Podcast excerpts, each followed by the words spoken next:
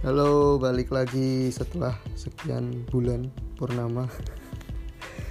Lama banget ya bikin podcast ya.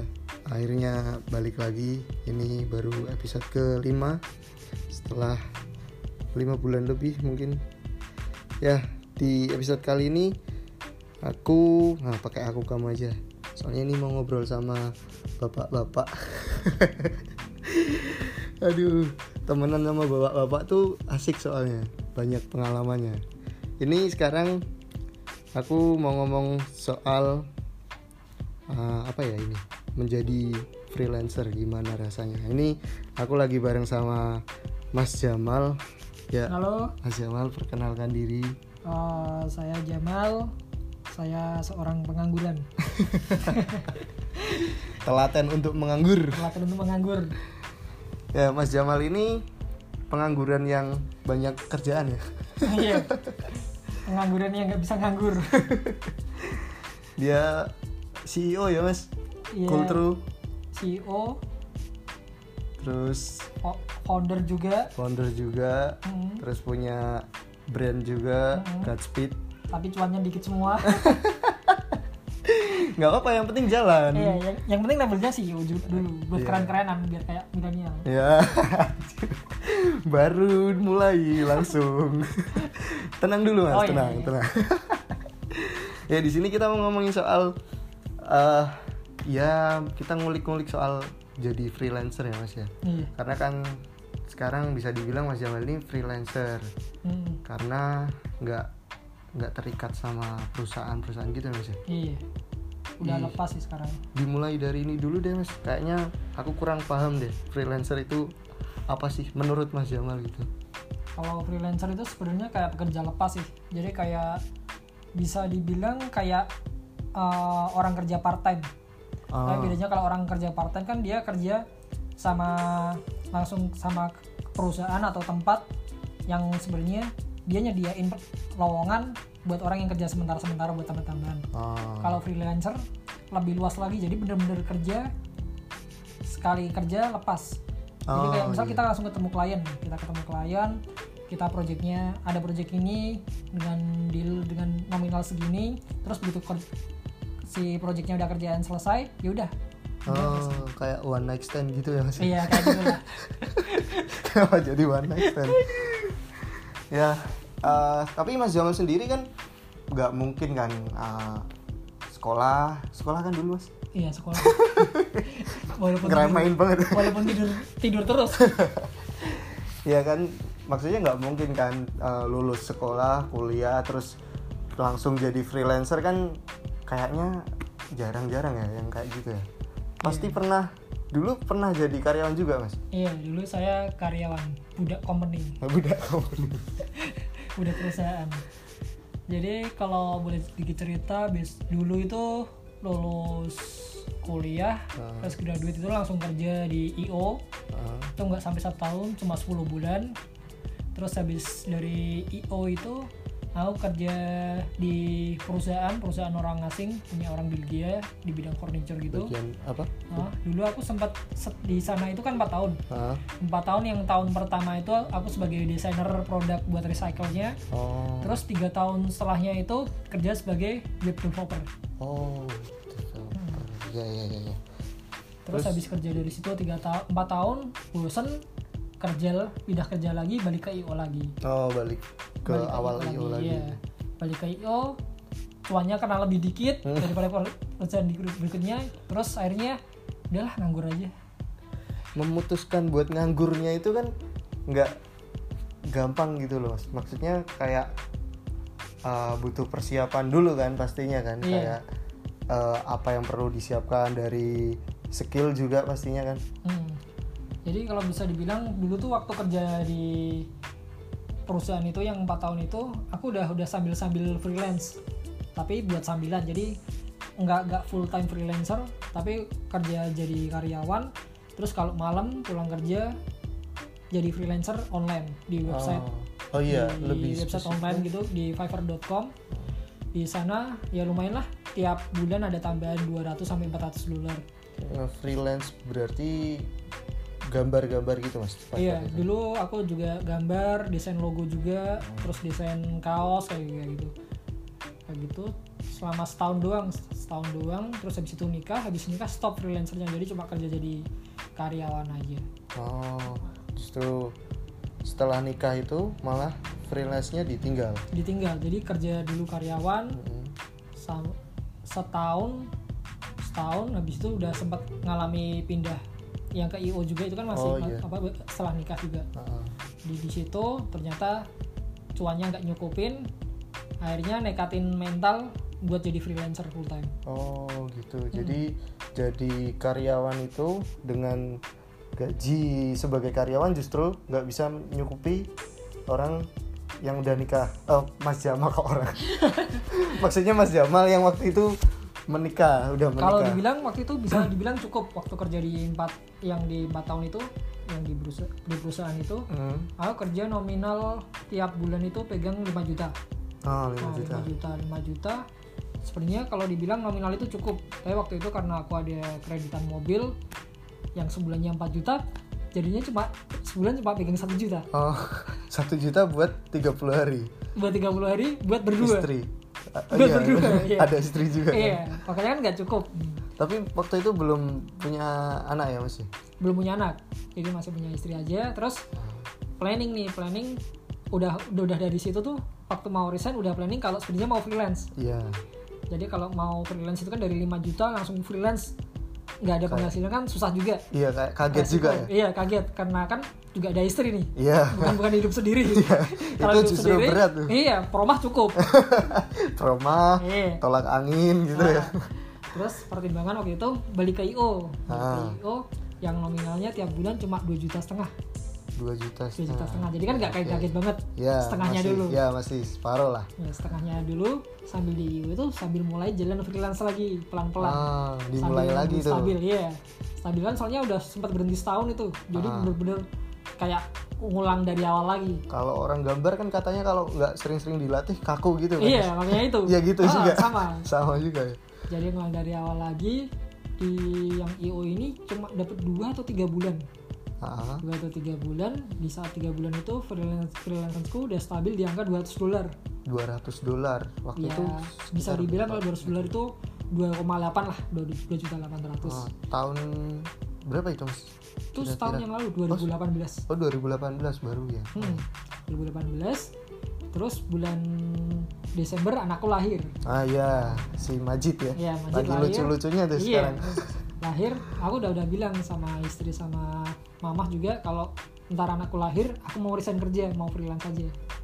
Tanggapan mereka gimana? Pasti ini pasti ini, nolak kok.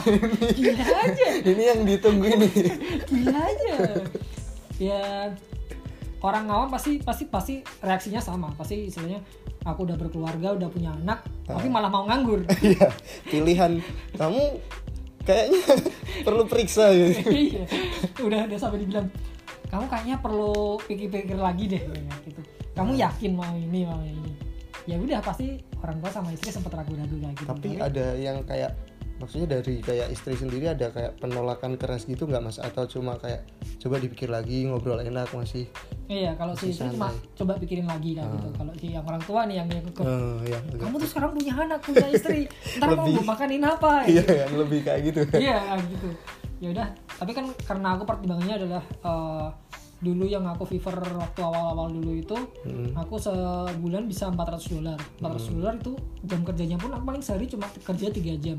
Oh tiga jam doang 3 dapat jam kerjain berbulan aku bisa dapat segitu. Oh, iya. nah pertimbangannya kalau di compare sama aku kerja di kantoran aku kerja 8 jam sehari di sana. Mau ada kerjaan atau nggak ada kerjaan aku harus stay di sana kan 8 jam. iya 8 jam. Dan aku gajinya 5 juta. Ah katakanlah aku 5 juta itu buat kerja 8 jam sedangkan aku kerja 3 8 jam 4 jam juta per hari ya? Hmm, ah. 4 juta itu aku buat sebulan kerja sehari 3 jam. Iya. Nah, kalau misal diakumulasi katakanlah kali kali kali dua lah. Berarti kalau aku kerja 6 jam itu aku dapat 8 juta bisa dapat Iya. 8 juta. 8 juta berarti kan chance-nya kan ada kayak gitu. Ya nah maka makanya itu misalnya aku lebih gambling di situ. Hmm, jadi jadi gambling di pertimbangan waktu. Wak- Ah. aku buang waktunya jadi gambaranmu waktu itu tuh udah mengarah ke situ ya mas ya? Mm-mm. padahal itu juga sebenarnya belum Belum pasti, ya iya, gambling, gambling, ya iya. bener-bener Nah, gambling. karena aku waktu itu perhitungannya adalah wak- waktu bukan bukan cuma nominal tapi waktu. Waktu kerja. Jadi kalau misal katakanlah kalau aku nggak sampai bisa dua kali lipatnya iya. dengan aku kerja tiga tiga jam itu aku bisa penghasilan tetap katakanlah 200 dolar 300 dolar karena udah UMR oh iya. Sisa waktuku selama sisanya 21 jam kan aku bisa ngelakuin kerjaan yang lain. Iya. Kalau mau kalau nggak mau, pun kan sebenarnya kan udah dapet ya duit. udah ya udah Iya ada kan? duit. Iya makanya itu game juga ada di situ. Daripada aku kerja di kantoran aku 8 jam ker- kerja sehari walaupun itu nggak ada kerjaan di kantor kan aku tetap harus selesai di situ. Iya membosankan juga sih di Iya. satu sisi mas. Dan aku nggak bisa kerjain ke- kerjaan yang lain di situ ah ya harus stay di situ Iya. ya jadi Makanya- kayak terikat ya. Mm-mm, pertimbanganku adalah masalah waktu. Maka dari dari itu aku mutusin buat mending keluar aja daripada waktuku habis buat duduk sama buat habis buat bikinin orang jadi tambah kayak kaya. Kenapa tidak memperkaya diri sendiri? Bagus. Tapi dengan cara itu meyakinkan kayak gitu ke istri pun bisa jadi lebih ini mas. Kayak istri sendiri jadi ya udah Hmm. yakin deh gitu. Ya ya mencoba percaya sih. Mencoba percaya dulu ya awalnya ya, ya. coba deh coba tapi yakin lah bisa segini.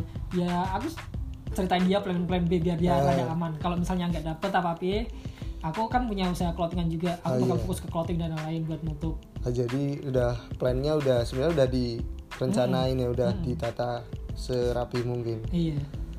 Ya gambling lumayan gawat juga ya mas ya. iya. Banyak teman yang kalau udah tahu ceritanya pasti bilang gila ini resikonya gede padahal udah punya anak. Dan itu anak aku seminggu anakku baru lahir aku resign jadi Iya. anakku umur seminggu aku langsung resign iya sih emang sih hmm. aku kan juga kan temenan sama Mas Joel kan juga waktu itu kan ya lumayan beneran mas gitu kan kayak ya anak baru lahir malah Hmm. resign emang kamu mau jadi pengasuh anakmu doang gitu oh, gimana gitu kan Iya. sedangkan kan itu anakmu sendiri nggak Iya. dibayar kecuali jadi pengasuh anak orang kaya gitu kan ya makanya Hmm. cuma emang emang mengagetkan juga sih kalau temennya denger itu kan kayak orang normal pasti mikir ya penghasilan dari mana? Malah resign gitu kan. Sedangkan justru dengan punya anak kan nambah tanggungan juga kan iya secara otomatis. Ya akhirnya dengan ketelatenan tapi bisa ini bisa nggak ada yang instan sih. Soalnya kalau dibilang habis apa aku resign itu kan eh, nggak langsung stabil. Jadi kayak tunggakan kayak kredit mobil masih Oh, iya. tetap aja 4 juta kan itu. Oh iya tadi mobilnya Iya. ada mobil. Tapi penghasilan masih 2 juta. Dari mana nyicil 2 juta selanjutnya? Ya itu. Jadi Sisanya. jualan kaos. Ah, nah, jualan kaos kadang masih ada sambilan kalau ada ngejuri. Ah, kadang bikin event sendiri kayak kayak gitu. Jadi Iya. perputaran. Jadi bener-bener yang dua bulan awal itu setelah resign itu bener-bener kencangkan ikat pinggang ah. sering-sering puasa gitu Iya, jadi makan apa adanya dulu yang biasanya dulu gaya hidupnya dulu sering nongkrong sering apa Ah. jadi sekarang lebih eh, pilah pilah pilah lah Iya. kalau emang perlu nongkrong apa enggak kalau enggak mending makan di rumah makan di rumah kenyangin dulu ntar baru keluar nongkrong pesennya es teh itu juga udah sampai anyep tuh udah Iya. sampai nggak ada manis-manisnya tuh Ah. astaga. masih aja diseruput iya kayak gitu Iya, iya, jadi iya, yang instan kalau yang yang pada lihat di sosial media wah sekarang enak gajinya gede Hmm. ya nggak ada yang nggak ada yang instan soalnya butuh proses sama pengorbanan sama mental yang berani apa enggak jadi freelancer kayak gitu Iya, iya sih memang sih. Tapi, eh, oh iya, tadi Mas Jamal kan bilang soal juri. Mas Jamal ini apa? Brick boy, brick Iya, boy ya. big boy kan ini kan soalnya kan nggak nggak podcast hip, hop mas. iya ini umum. oke Siap. Ya, jadi kalau yang orang-orang hip hop nih Mas Jamal nih hip hop banget nih, pasti tahu lah. Dari apalagi yang Semarang nih terutama dari rapper, Hmm, terus yang graffiti graffiti, DJ juga DJ. DJ pasti tahu lah. Hmm. Apalagi dancer. Nah, iya. ya aku juga aku sendiri kan kenal Mas Jamal kan dari breaking itu. iya Nah, Mas Jamal ini sekarang eh, putranya Majid ini umur berapa mas? 8 bulan ini sih. 8 bulan. Iya.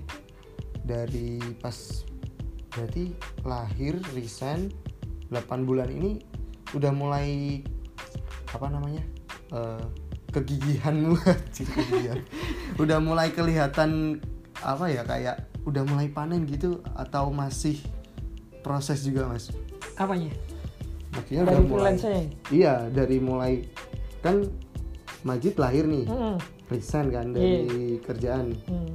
freelance lagi mulai menekuni nah selama berarti kan Majid 8 bulan ini kan sekitar 8 bulan juga kan 8 bulan. jalan mulai fokus ke freelance lagi Iya. apakah sudah mulai kelihatan dari yang tadi meyakinkan istri begini begini Hmm. begini Hmm.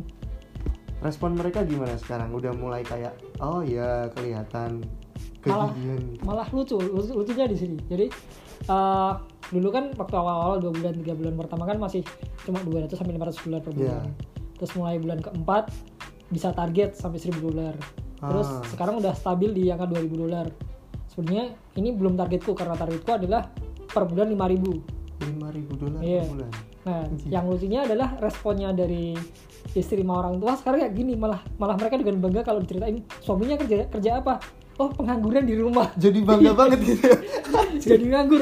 Jadi biasanya orang kalau nganggur malu, Hmm. dia malah bangga. Suamiku nganggur di rumah aja. Anjir, malah bangga jadi jadi disuatain buat yang dibanggain. Iya, buat Kok nganggur terus makanya gimana? Ya gimana? Nganggur aja bayarannya segitu apalagi kerja. ya asik juga sih jadi buat lucu-lucuan jadi kan kadang kalau si istri kan kadang cerita-cerita kalau Iya. lagi kumpul sama teman-teman lama pada Oh, banggain, iya. suaminya kerja di sini kerja di sini. Ah, dia lu kerja apa? wah pengangguran nih. Jadi lucunya kok nganggur? Kasihan sini ikut kerja kayak gini. Lah gajinya berapa? Suamiku aja kalau nganggur gajinya segini Iya iya iya iya. Yang lain kalau nganggur ditanyain kerjanya apa? Ah, ini lagi cari kerjaan Iya, apa apa jawabannya kan iya padahal Bulet-bulet gitu. pencitraan Iya. ada pencitra- pencitraan nggak mau ngakuin kalau nganggur Iya malu kan. Iya. Ini istrinya ditanyain suami tuh kerja apa? Malah bangga banget ngomong pengangguran. iya Iya iya jadi lucu.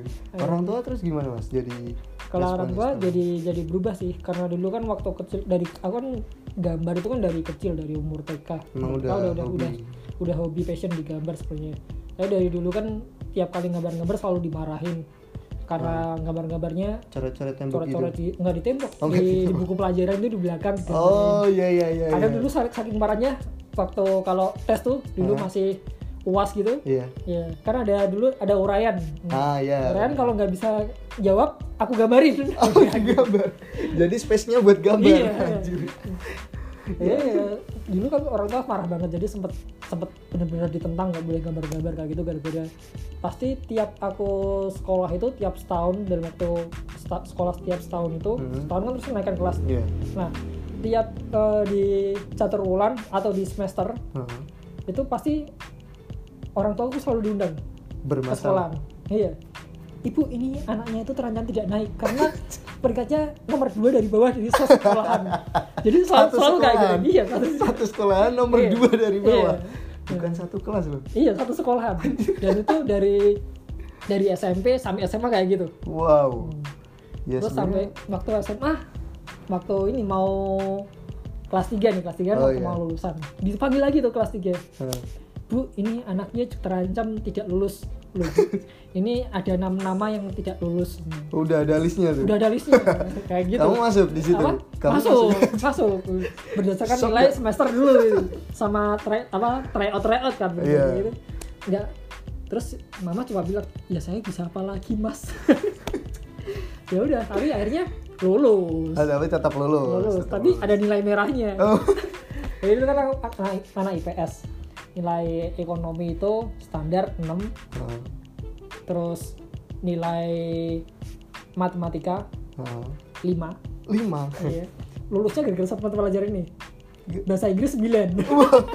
Dari mana? Dari mana Ah. tuh sekarang? Padahal bahasa Inggris tuh aku nggak pernah nggak pernah ikut kursus ya pernah ikut kursus tapi cuma beberapa doang tapi nggak cocok Cabut. cabut kayak gitu kalau bisa dibilang aku bisa bahasa Inggris dari b-boy juga karena b-boy Hmm. uh, sering komunikasi sama orang luar negeri terus punya teman orang luar negeri sering chattingan dan lain-lain. Dan berarti dari tadinya yang bahasa Inggris masih ngaco gitu nggak tahu nggak suka malah. Makanya dulu dilesin ah Nah. nggak pas ketika interaksi sama mulai kenalan sama orang luar tuh masih pasti Inggrisnya masih aneh Iya, gitu kan? pasti ngaco. Dan istilahnya bagusnya ini orang luar itu kalau tahu orang Indo ngomong nah, dan salah dibenerin nggak diketawain. Nah gitu. Nah learningnya jadi dari situ jadi Oh, jadi lebih Ha, jadi lebih sering. Jadi kadang ngechat ngechat nggak penting aja biar Iya. dia direspon. Jadi kalau ntar salah dibenerin. Nah, jadi kalau dibilang aku bisa bisa Inggris tapi nggak tahu grammar itu apa. Nah iya iya.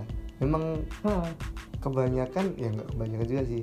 Memang belum tentu juga yang bisa conversation bagus di grammar kan mm-mm, mm. jadi aku eh, kalau ngerasa aku ngomong gitu kok kelihatannya aneh berarti ada yang nggak bener. Ah. nah kayak gitu dong. Iya, jadi iya, main main feelingnya. Dari situ tapi justru bisa belajar. Iya bisa belajar. Hmm, ya, dan dapat nilai Inggris 9 sembilan. terus lulus. Yaudah, tadi ngomongin apa sih? Kok sampai sekolah? Lupa. Orang tua respon orang tua oh iya seorang tua oh terus iya mama mama Mas Jamal ini mama Mas Jamal tante aku manggilnya Iya. tante itu kan guru kan nah setahu guru gue. iya ya apa gimana ya kalau biasanya kan gemes banget kan Mm-mm. ini anak guru tapi kok ba- bandel banget Iya. sekolah juga nggak niat gitu. Mm-mm.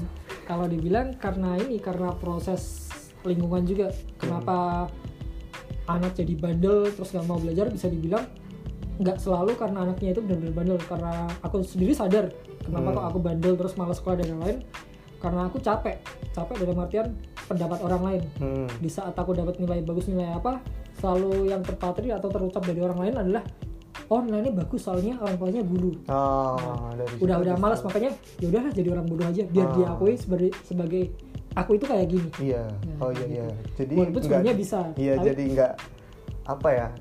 eh, udah bagus, tapi Mm-mm. pasti ada embel-embelnya. Iya. Anak guru. jadi ngerasa eh, apa yang kita perjuangin nggak dihargai Mm-mm, kayak ya karena kamu anak guru kayak diistilahkan Iya. gitu. Kayak gitu. Oh tadi itu ini mas soal gambar-gambar Oh, itu iya. tadi gambar di Jadi buku pelajaran. ini, iya.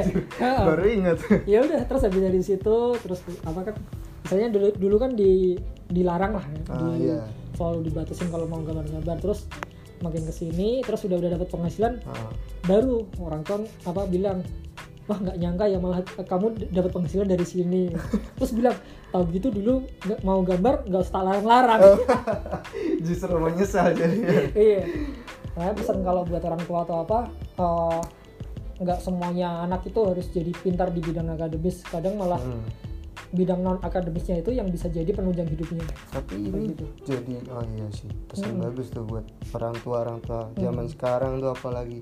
Tapi kan jadi ini mas eh, kayak Mas Jamal sendiri kan udah punya anak nih. Mm-mm. Ke depannya jadi ini juga ya. Iya, jadi- kayak gitu. Mm-mm, gitu jadi juga. bisa udah berdamai diri sendiri dan juga udah tahu kan jadinya Hmm. enggak enggak terus aku karena dulu dilarang passionku sama orang tua terus harus justru ngelarang balas dendam gitu. enggak jadinya malah terserah mau nih ntar Majid mau bakatnya mau ke mana atau Ah. mau ke apa ya udah diikuti Disupport ya. Ha-ha. kalaupun seka- sekalipun waktunya dia mau sekolah dia malas ngomong bilang malas sekolah ya udah nggak usah masuk lebih aku kayak gitu jadi lebih lebih aku kasih kebebasan soalnya kalau aku pikir kalau sesuatu yang dilakukan terpaksa itu gak bakal bisa maksimal Iya benar. kayak sih. orang nggak mau sekolah disuruh sekolah nggak bakal maksimal Iya benar benar. gitu Tapi juga biasanya kayak guru-guru terus orang tua kan memang sering kelarang-kelarang kayak gitu kan mas kayak Iya. ya itu gambar-gambar Hmm. ini bukan jam pelajaran kesenian gitu malah gambar-gambar terus buku-buku Hmm. digambarin terus sekolah bawa misalkan bawa gitar nanti Hmm. ditanya kamu sekolah bawa gitar emang mau jadi apa pengamen kan iya dari situ kan udah kayak dijatuhkan dulu Iya, ya sebelum sebelum kita perang udah dijatuhin dulu Hmm.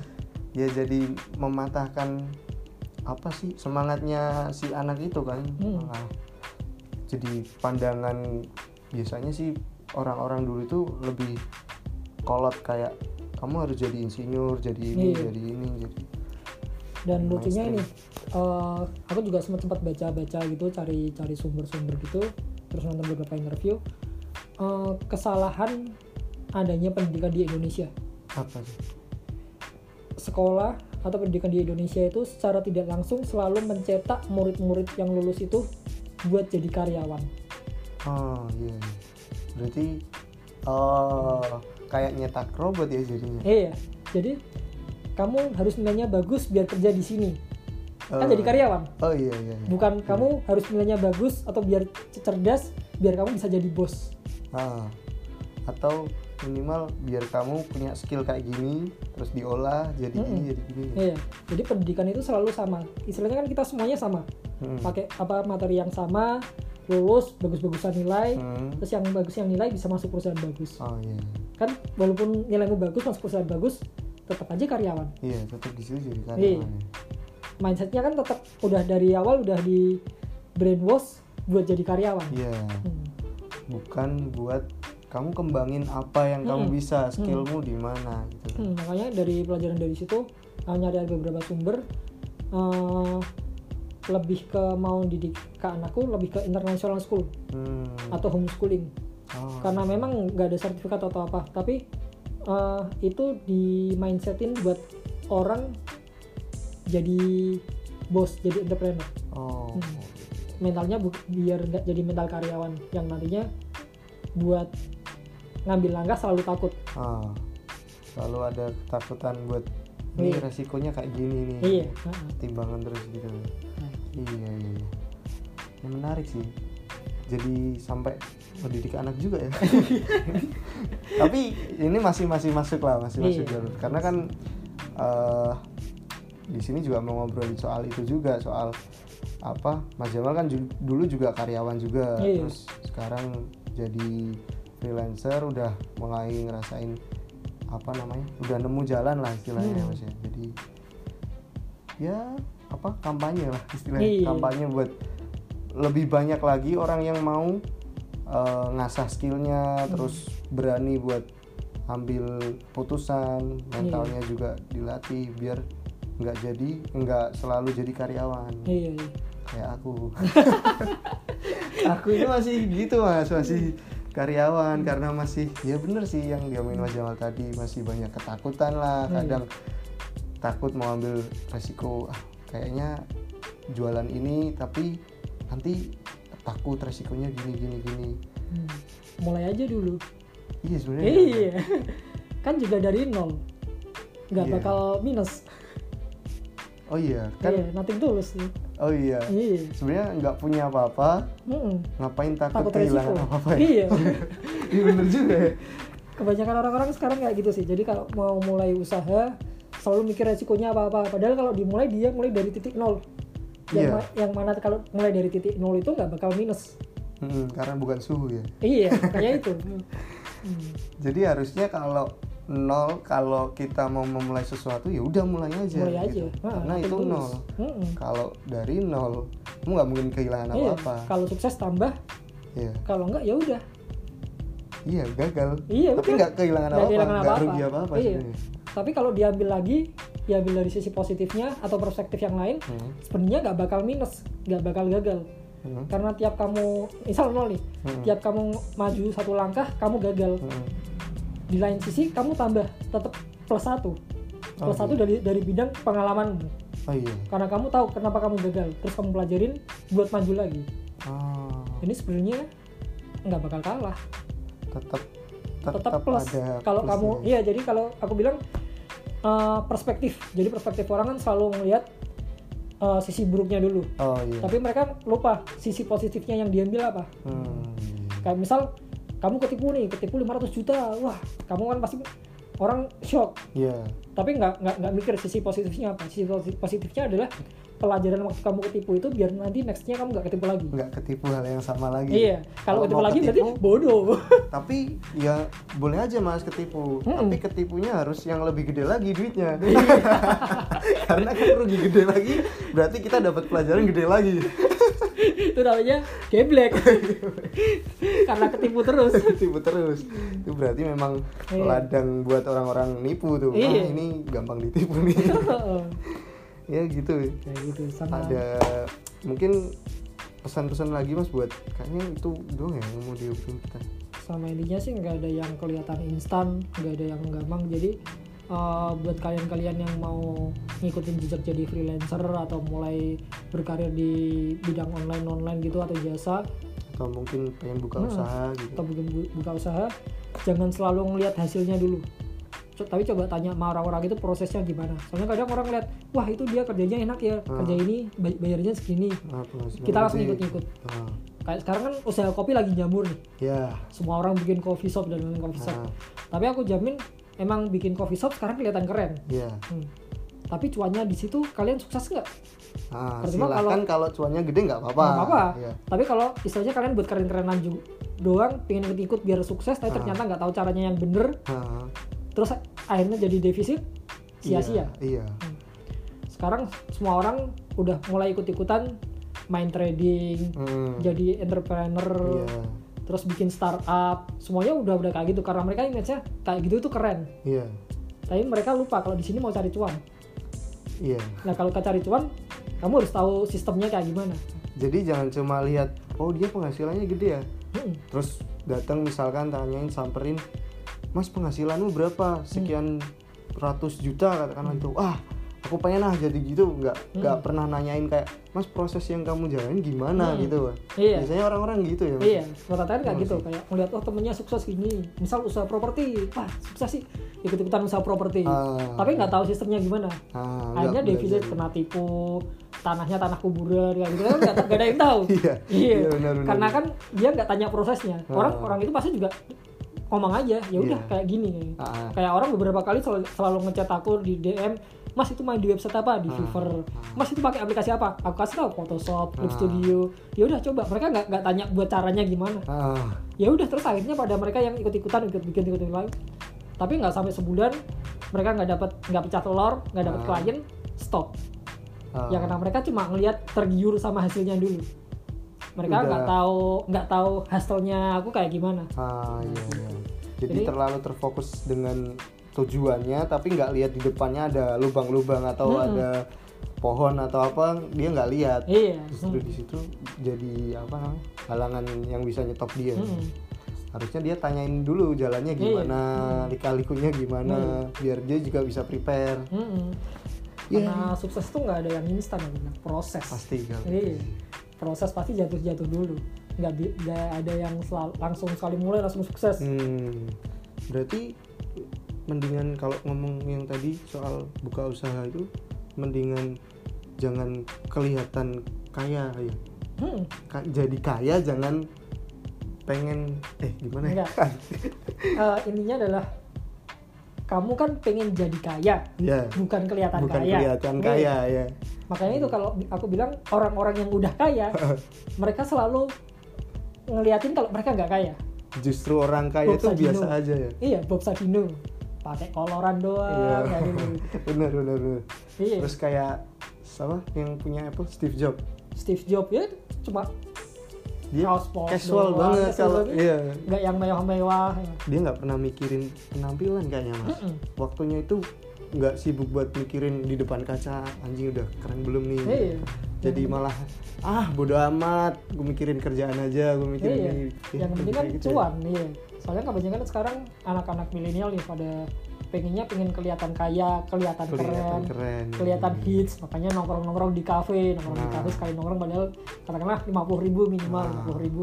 Padahal penghasilan mereka per bulan masih UMR lah 2, juta setengah 50 ribu Ah. kali nongkrong tiap hari 50 kali 3, 30 sa- udah satu setengah buat bayar cicilan motor 750 habis Iya, iya, gitu buat gaya hidup jadi apa eh, gaya hidupnya CEO tapi penghasilannya masih fresh graduate. Iya itu kan parah. Gayanya doang CEO tapi Iya. penghasilan fresh graduate. Ya ya makanya percuma lah kalau kita kelihatan keren-kerenan kelihatan mewah-mewahan. Keren ya Tapi- keren aja iya gitu. keren keren aja mewah-mewah aja tapi kaya kaya. nggak usah sok menjadi kaya. Ya. nah. jangan pengen kelihatan kaya. Kelihatan kaya nggak penting sih pengen kelihatan kaya nggak karena kan kaya nggak kaya sebenarnya orang juga bodo amat juga sih mas. Iya. kayak Hmm. ya nggak kelihatan kaya pun nggak apa-apa tapi yang nggak kelihatan kan ada. Iya proses sih kayak gitu. Soalnya kayak dulu aku beli mobil ya karena pengen kelihatan kaya pengen kelihatan aku sukses. Oh. Kayak gitu. Masih gengsinya masih Mm-mm, gede. masih ada. Tapi Nah, karena waktu udah mutusin resign di sini baru titik pembelajaran titik balik buat apa aku berusaha kelihatan kaya? Hmm. yang konsumsi orang lain. Wong yang ngerasain kan aku. Hmm. ya udah mobil aku jual. Karena kamu udah sadar ya punya Hmm. mobil itu nggak kaya nggak kaya. Nah, dan sebenarnya bukan sesuatu kebutuhan. Belum belum primer ya. kebutuhan belum primer. Iya iya iya. makanya belum tak jual aja. Bener sih mas. Banyak. Apalagi di kota-kota gede kan ada orang nih punya mobil Hmm. tapi dia masih ngekos iya atau ngontrak Hmm. gitu banyak kan padahal Iya. kan harusnya dia beli rumah dulu lah nah kayak gitu. jangan naik mobil dulu atau Kayak tidur gitu. di mobil Hmm. Eh, so- contoh simpelnya kalau buat anak-anak muda sih yang dengerin eh, kayak HP, handphone. Handphone kan sekarang udah canggih-canggih nih dan Iya. harganya udah mesti mahal-mahal.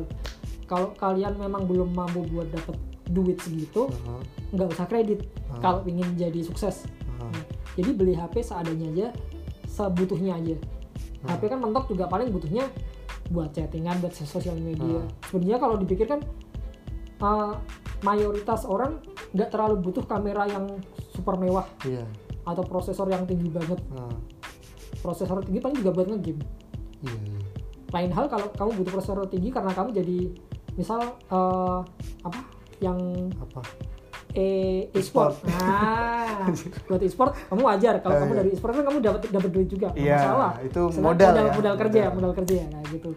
Tapi kalau buat senang-senang buat apa mending sesuai kebutuhan aja gitu. berarti kamu kan punya usaha ini juga kan mas Eh, si Mbak Agnes istri kan Hmm, nah, punya usaha Hmm. jualan HP juga kan iya jual HP. Itu kan nyaranin aku kredit dulu Iya. berarti Kan teknik marketing.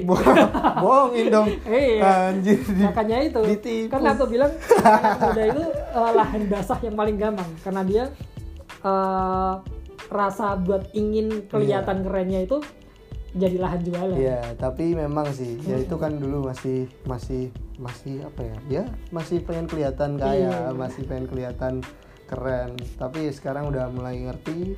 Tapi kan mau nggak mau juga udah diambil ya harus dicicil Iya, lah. nggak apa-apa, kan Udah, proses. udah Sekarang selesai, Udah, tahu. udah selesai, udah Iya. tahu belajar. Besok lagi ya, ya kalau bisa jangan gitu lagi. Hmm, Kaya kaya bisa, aja, iya. keren keren aja. Hmm, Lebih enak bayar cash daripada kredit ininya itu. Itu aja kali mas ya. Iya, Apalagi nih, udah cukup kayaknya. Cukup Apalagi kayaknya. bahas apa lagi? kita habis ini mau nonton juga kan. Iya nih, nonton anime di bioskop. nonton anime jauh-jauh aku dari Pekalongan mau nonton anime ke Semarang yaudah itu Iya. dulu paling terima kasih buat Mas Jamal salam Iya. buat uh, istri sama anak lagi di mana nih Mas Lagi Di- balik kampung. balik kampung sebulan jadi menduda. nih. anjir ini aku di rumah Mas Jamal kok nggak ada istri nggak ada anaknya gitu. ternyata masih balik kampung Iya. udah aku temenin nonton nanti habis ini Mas Oke. Terima kasih sekali lagi buat Mas Jamal Terus makasih juga buat yang udah dengerin Ya itu dulu Udah lama nggak bikin podcast Sorry kalau banyak belibetnya Thank you, thank you, thank you Thank you.